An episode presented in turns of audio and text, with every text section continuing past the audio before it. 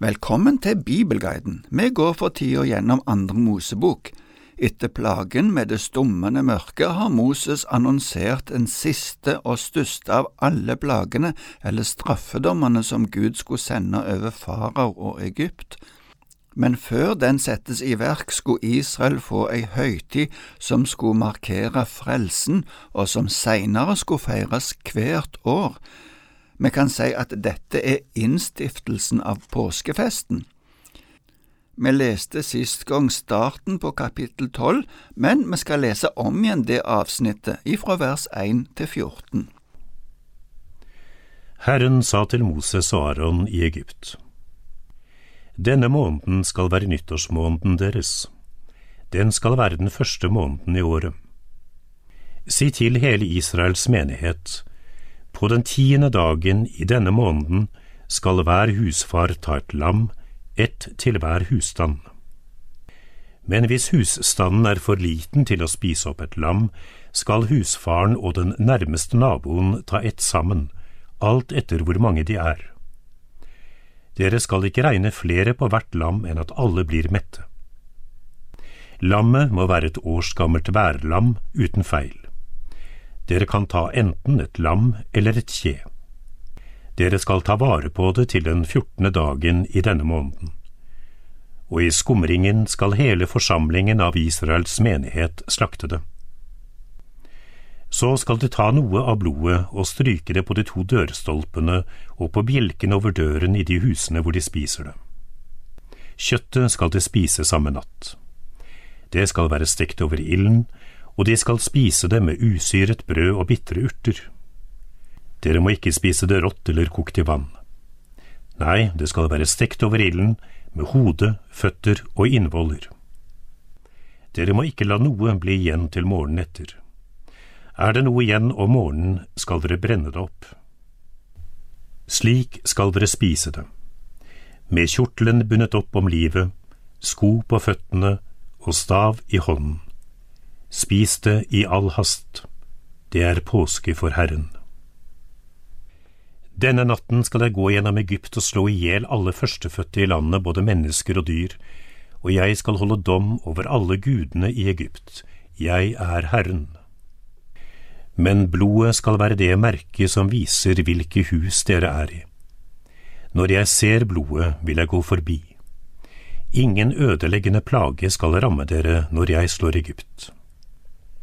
Siden skal denne dagen være en minnedag for dere.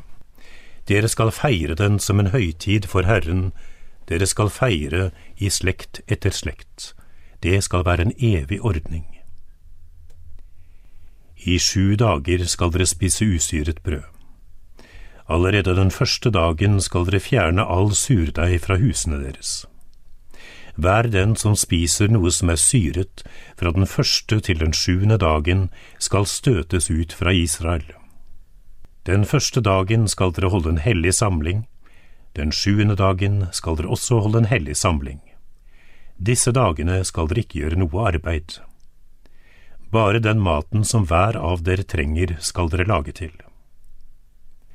Dere skal holde de usyrede brøds høytid, for på denne dagen førte jeg hærene deres ut av Egypt.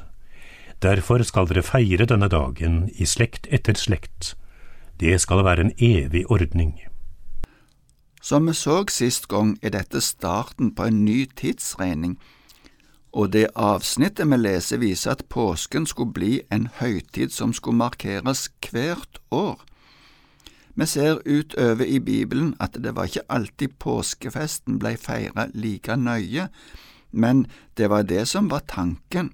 Her blei det òg sagt at denne måneden skulle være den første, men seinere i jødenes historie blei nyttårsfeiringa lagt til utpå høsten, etter den store forsoningsdagen. Hver familie skulle ta ut et lam den tiende dagen i denne måneden, de skulle se etter om det var mange nok til å spise opp alt på en gang, for hvis det var en liten familie, skulle de gå sammen med naboen, slik at alt kunne bli spist opp. De skulle ta vare på lammet til den fjortende dagen. Kanskje det var for å følge med om det kunne være en feil på det, for det var bare feilfrie lam som skulle benyttes til denne handlingen. Det skulle dessuten være årsgammelt og av hannkjønn. Lam i denne sammenhengen kan òg inkludere kje av geiter. Alle skulle så ta lamma sine og slakte de i skumringen. I andre bibeløversettelse står det oversatt med mellom de to aftenstunder. Det betyr mellom det tidspunktet da sola gikk ned og tidspunktet det blei helt mørkt. Blodet ifra lammet som blei slakta, skulle de ha i ei skål, og så skulle de ta en isoppkvast og stryke blodet på dørstolpene og på bjelken over døra. Men jeg tror vi leser et avsnitt til, for mye av det som står i dette avsnittet blir gjentatt i et avsnitt seinere i kapitlet. Vi leser nå ifra vers 21 til 28. Da kalte Moses sammen alle de eldste i Israel og sa til dem, Gå og hent småfe til familiene deres og slakt påskelammet. Så skal dere ta en isoppkvast, dyppe den i blodet i skålen og stryke noe av blodet fra skålen på bjelken over døren og på de to dørstolpene. Ingen av dere må gå ut gjennom døren til huset sitt før om morgenen for Herren skal dra gjennom landet for å slå egypterne. Og når han ser blodet på bjelken og de to dørstolpene, skal han gå forbi døren og ikke la ødeleggeren slippe inn i huset for å slå dere. Dette skal dere holde, og det skal være en evig ordning for deg og dine etterkommere. Når dere så kommer inn i det landet Herren har lovet å gi dere, skal dere holde denne skikken ved lag. Og når barna deres spør Hva er dette for en skikk? skal dere svare Det er påskeoffer for Herren fordi han gikk forbi israelittenes hus i Egypt da han slo egypterne, men sparte husene våre. Da bøyde folket seg til jorden og tilba. Så gikk israelittene bort og gjorde dette. Det Herren hadde gitt Moses og Aron påbud om, det gjorde de.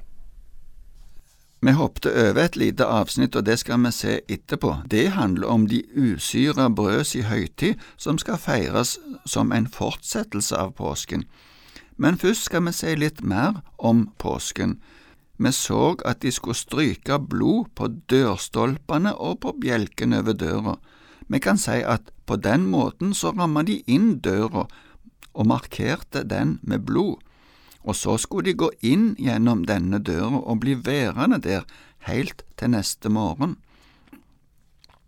Blodet skulle være et tegn, eller et merke, som det sto i vers 13, slik at ødeleggeren ikke skulle ramme de.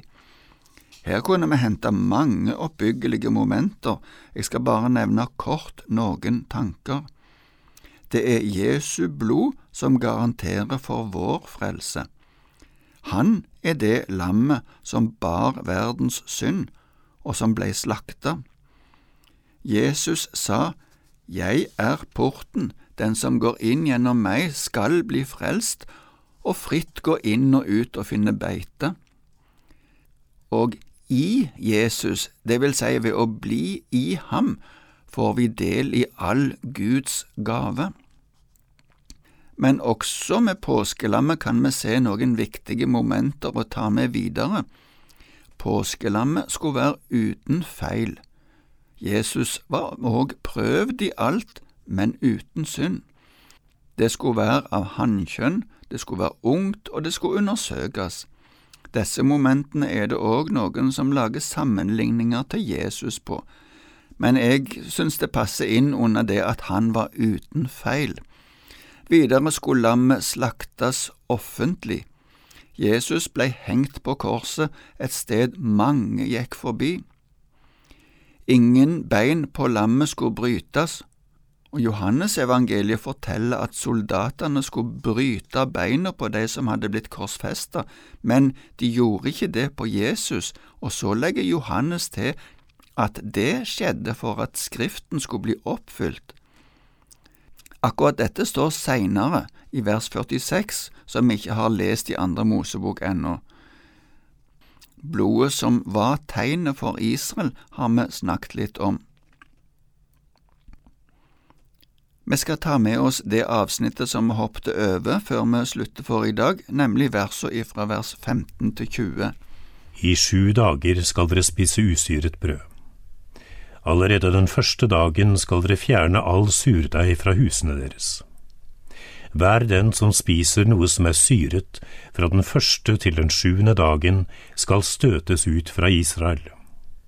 Den første dagen skal dere holde en hellig samling, den sjuende dagen skal dere også holde en hellig samling. Disse dagene skal dere ikke gjøre noe arbeid. Bare den maten som hver av dere trenger, skal dere lage til. Dere skal holde de usyrede brøds høytid, for på denne dagen førte jeg hærene deres ut av Egypt. Derfor skal dere feire denne dagen i slekt etter slekt. Det skal være en evig ordning. Fra kvelden den fjortende dagen i den første måneden til kvelden den tjueførste dagen i samme måned skal dere spise usyret brød. I sju dager må det ikke finnes surdeig i husene deres. Hver den som spiser noe som er syret, skal støtes ut av Israels menighet, enten han er innflytter eller født i landet. Dere må ikke spise noe som er syret. Hvor dere enn bor, skal dere spise usyret brød. De usyrede brøds høytid skulle minne israelsfolket i framtida om at da Israel forlot Egypt, skjedde det i full fart, så de hadde ikke tid å la brødet heve. På den tida var det surdeig som ble brukt, og det tok lengre tid å heve enn med gjær sånn som er vanlig hos oss. På grunn av hastverket måtte de ta deigene slik de var, eller lage brød av usyra deig. Denne høytida blei en fast forlengelse av påsken hvert år. Det fikk òg en symbolsk betydning for at usyra brød var reint. Vi ser at i Det nye testamentet blir uttrykket brukt som eksempel på det som er rent. Men vi får ikke sagt mer om dette i dag. Neste gang skal vi se på resten av kapittelet og gjennomføringen av det som Moses har sagt. Takk for nå, og Herren være med deg.